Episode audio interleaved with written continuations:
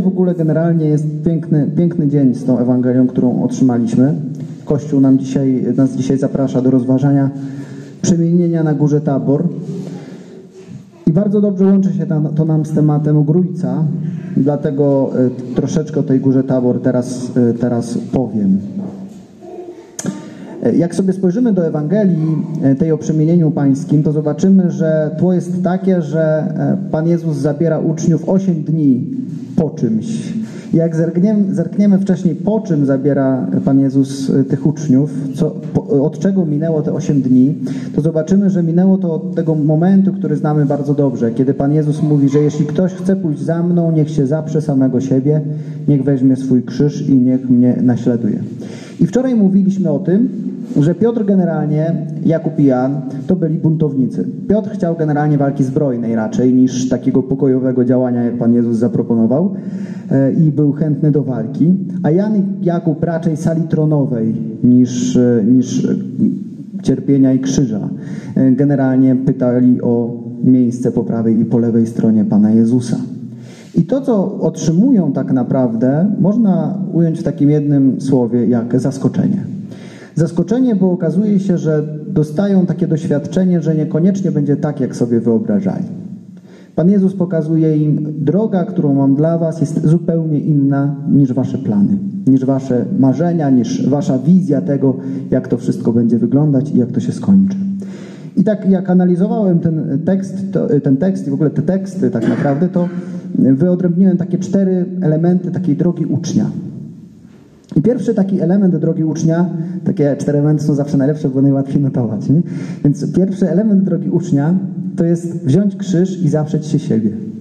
Czyli to jest ten moment, kiedy ja, za, jak, kiedy ja kwestionuję moje plany, kiedy poddaję w ogóle pod wątpliwość to, co już sobie ułożyłem, to, co stwierdziłem, że będzie idealnym planem na życie, że będzie idealnym marzeniem do zrealizowania, że będzie jakąś taką moją własną wizją zbawienia świata. Świata w pojęciu nie tylko całego globu, ale też mojej rodziny, moich znajomych, mojej grupy przyjaciół, mojej wspólnoty, czy może nawet samego siebie.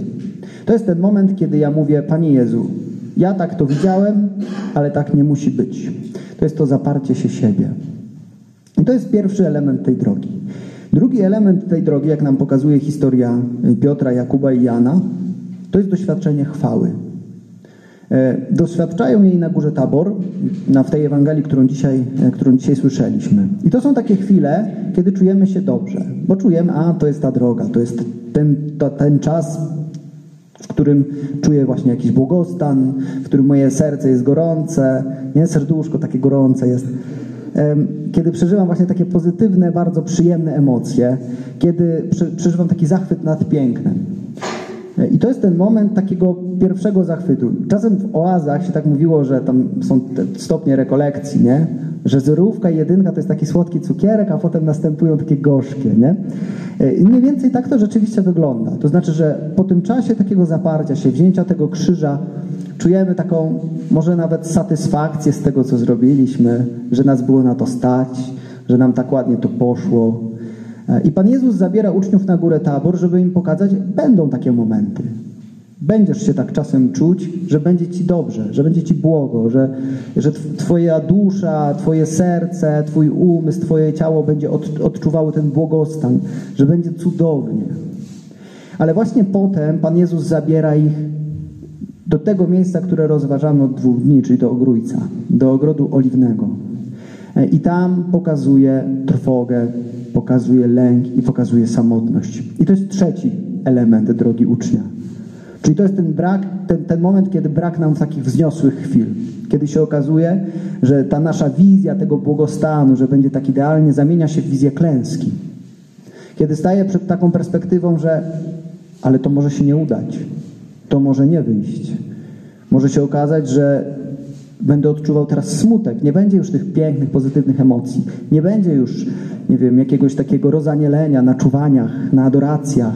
Nie będę już odczuwał nic, co będzie mi sprawiało radość. Nic, co będzie mi sprawiało jakieś takie poczucie własnej realizacji, poczucie tego, że będę się czuł spełniony. Nie, wręcz odwrotnie. Wręcz odwrotnie. Mogę wtedy odczuwać właśnie pustkę, smutek, ból, właśnie to poczucie porażki, e, ale też mogę właśnie kwestionować boskość Boga. E, kiedy widzę Boga, który nie robi tego, co chciałem, żeby robił, zaczynam się zastanawiać, no dobrze, ale czy ten Bóg naprawdę istnieje? Przecież nie tak miało być. I w końcu czwarty element drogi ucznia. To jest element, e, który dotyczy nie tych trzech, ale tych dziewięciu uczniów, którzy zostali u zbocza góry. Zarówno wchodząc na tabor, jak i wchodząc do ogrodu oliwnego, Pan Jezus pozostawia za sobą dziewięciu uczniów. Tych dziewięciu uczniów nie zobaczy przemienienia. I tych dziewięciu uczniów nie doświadczy trwogi konania Jezusa. Są w jakiejś takiej odległości od tego, co się dzieje, od centrum wydarzeń.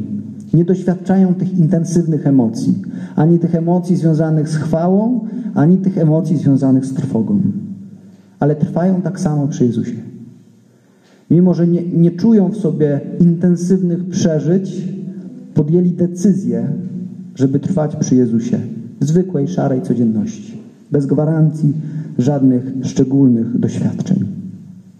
Ale czy to znaczy, że Piotr, Jan i Jakub byli uprzywilejowani? Czy to znaczy, że tych dziewięciu apostołów było gorszych, bo nie czuło? Okazuje się, tak, tak wskazuje historia właściwie, że wcale nie. To nie jest kwestia uprzywilejowania, wręcz odwrotnie.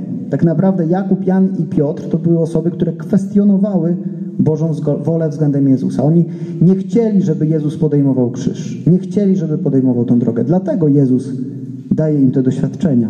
Pokazuje im, nie będzie tak, jak zaplanowaliście. Będzie droga ogrójca, będzie droga chwały, ale to ja buduję tę drogę. To ja jestem tym, który ją pisze. To ja jestem tym, który przygotował dla Ciebie plan. Bóg przekracza nasze schematy. W księdze Izajasza jest taki e, fragment w 55 rozdziale, werset 8. Myśli moje nie są myślami waszymi, ani wasze drogi moimi drogami. Tworzymy sobie często świat, w którym wydaje nam się generalnie, że tak będzie dobrze. Ale bardzo często to jest nasz świat, nasza wizja, nasze marzenia, nasza wola. Chodzi teraz o to, by to, co nasze, stało się Boże, żebyśmy przestali myśleć o tym, czego ja chcę, ale zaczęli się zastanawiać, czego Bóg chce ode mnie. Mnie zawsze gdzieś boli, kiedy o powołaniu mówi się jako o powołaniu do kapłaństwa. Bóg powołuje nas do różnych zadań, ale powołanie jest przede wszystkim wezwaniem do tego, żeby wola nasza była tą samą, którą jest wola Boża. To robi Maryja. E, na czym polega to, że Maryja jednoczy się z Bogiem? No właśnie na tym, że w momencie zwiastowania mówi: Niech się dzieje Twoja wola. Niech się stanie według Twojego słowa, nie według mojego. Chcę, żeby to, co ja będę robić, było tym, czego Ty chcesz. A właściwie odwrotnie, żeby to, czego Ty chcesz, było tym, co ja będę robić. I teraz takie pytania, żeby zweryfikować właśnie, e, jak wygląda ta moja droga, e, to moje podejście do woli Bożej. E, I pierwsze takie pytanie to przede wszystkim, czy mój obraz Boga nie jest za bardzo mój? To jest pierwsza bardzo podstawowa rzecz. To znaczy, czy Bóg, którego ja sobie stworzyłem w głowie, wskutek, nie wiem, moich odkryć, e, przeżyć, doświadczeń, myśli, mojej jakiejś analizy, czy nie jest za bardzo mój? Czy on jest rzeczywiście spójny z tym, co Bóg o sobie mówi? o tym, z tym, co Bóg o sobie objawia w Słowie Bożym, w Kościele, w tradycji. Czy rzeczywiście ten obraz Boga jest spójny z tym? Czy nie jest mój? Czy to nie jest Bóg, który odpowiada moim doświadczeniom, który odpowiada mojej wizji świata, który odpowiada moim marzeniom, moim planom? I drugie pytanie, czy zgadzam się na to, żeby Bóg modelował moje życie według Jego woli? Czy jest we mnie zgoda na to, żeby to Bóg był tym, który to życie właśnie modeluje, układa, tworzy i wskazuje mi drogę, którą mam iść.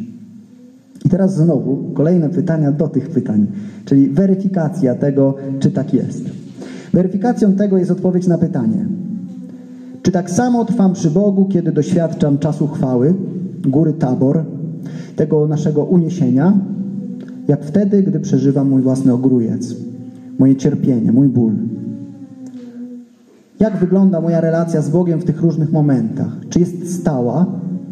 Czy właśnie kiedy przeżywam chwałę jest super, jestem blisko, e, jest czas właśnie uwielbienia, a kiedy przychodzi ogrójec, e, to Bóg odchodzi na bok. Bo wcale to powiedzenie, jak trwoga do, do Boga, wcale nie musi być prawdziwe. Czasem jest dokładnie odwrotnie. Znaczy, im ciężej, tym Bóg odstawiony jest na bok. Czemu? Bo nie spełnia mojej wizji Boga. On miał się mną opiekować, miał być przyjacielem, miał mnie przytulać, miał być troskliwym ojcem. Jest nim, ale troska nie objawia się tak, jak ja tego chcę. I drugie pytanie weryfikacyjne. Jak w tych chwilach ogrójca wygląda właśnie moje życie modlitwy? Jak wygląda moje trwanie przy sakramentach? Jak wygląda moje świadectwo miłości wobec innych?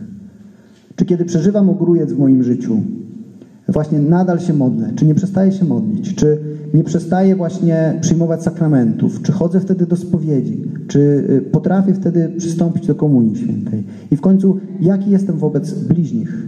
Jaki jestem wobec drugiego człowieka? Jezus nam pokazuje, że niezależnie od okoliczności, które przeżywamy, czy to jest góra tabor, czy to jest ogrójec, miłość do drugiego człowieka się nie zmienia. Jest stała i taka powinna być. Jeżeli umiemy znaleźć harmonię między tymi momentami, między tym, co w życiu jest tym czasem chwały, czasem trudu, to jest to dowód też na to, że jestem na dobrej drodze, by moja wola stała się wolą Bożą. Ona się zawsze odnajduje w harmonii. I w końcu druga rzecz, wtedy dopiero, kiedy to, co we mnie trudne, przekierowuję, oddaję Bogu, oddaję Ojcu, tak jak Jezus oddaje Ojcu w ogrójcu swój ból, swoje cierpienie, to dopiero wtedy zaczyna, mogę zacząć tworzyć obraz Boga, który jest prawdziwy. Nie obraz Boga, który jest słodki i który jest e, e, taką właśnie świąteczną choinką, jak już to mówiłem, tylko obraz Boga prawdziwego, prawdziwego Ojca, prawdziwego Stwórcy, e, prawdziwego przyjaciela, e, a nie Pana w kiosku, który daje watę cukrową. Bo nie o to w życiu chodzi, żeby jeść watę cukrową. W życiu chodzi o to, by stać się podobnym do Boga. I to jest nasz cel, e, by stać się z Nim jedno. To, co już przytaczałem chyba, ojcowie Kościoła właśnie w pierwszych wiekach powtarzali, że Bóg stał się po to człowiekiem, byśmy my mogli stać się bogami. Po to On się uniżył do nas, po to On upodobnił się do nas, żebyśmy my mogli być do Niego podobni. Żeby pokazać nam, że ta droga, którą Chrystus przebywa, nie jest niemożliwa dla nas. Ona jest dla nas możliwa, jest dla nas zaproszeniem. Więc te pytania chciałbym, żebyście sobie zadali też w dzisiejszym tym rozmyślaniu, żebyście też wzięli właśnie Słowo Boże z dzisiaj, z Ewangelii i je sobie prze, prze, prze, y, przemedytowali. Ale ja jeszcze jako takie postscriptum chciałem Wam zwrócić uwagę na jeszcze jeden element Góry Tabor. Tak już na koniec. E, łatwo jest przespać w życiu to, co jest istotne. E, to, co mówiłem też na homilii pod koniec. Zobaczcie na to, co się dzieje. Jezus objawia się na górze Tabor, przemienia się, z Moj jest z Mojżeszem i Eliaszem. Objawia uczniom, zobaczcie, to, co się dzieje, to się spełnia historia zbawienia. To, co widzicie teraz, to jest ten kluczowy moment, na który przygotowywał się cały naród izraelski. Jeruzalem, krzyż, który za chwilę przeżyjemy wspólnie, jest tym, co wypełnia obietnicę, którą Bóg nam dał. I w tę ważną wiadomość, kluczową, która pomogłaby im przeżyć wszystko, święty Piotr widzi tylko jako doskonałą okazję, żeby rozstawić namioty i cieszyć się, że dostąpili takiej chwały. Czasem w emocjach i w tym, co przeżywamy emocjonalnie, czasem w różnych naszych uniesieniach możemy przegapić prawdziwą wiadomość, którą Bóg chce nam przesłać. Wiadomość, która nie musi być emocjonalna, ale może być bardzo, bardzo głęboka. I chciałbym Was zaprosić do skupienia się też na tym właśnie, może szczególnie w Wielkim Poście. E, co może nie, nie wiąże się z emocjami, z przeżyciami, ale co jest gdzieś głębiej, gdzieś bardziej w nas, gdzieś w tej ciszy, od której tak uciekamy, o tej wiadomości od Boga, że wszystko, co dzieje się w naszym życiu, prowadzi właśnie do realizacji Bożego planu, planu zbawienia każdego, do tego, żebyśmy doszli do nieba. Nie tak jak ja sobie wyobrażałem, że niebo to będzie takie miejsce właśnie, gdzie będzie wata cukrowa na każdym rogu, ale do nieba jako do miejsca, w którym nie będzie różnicy między mną a Bogiem.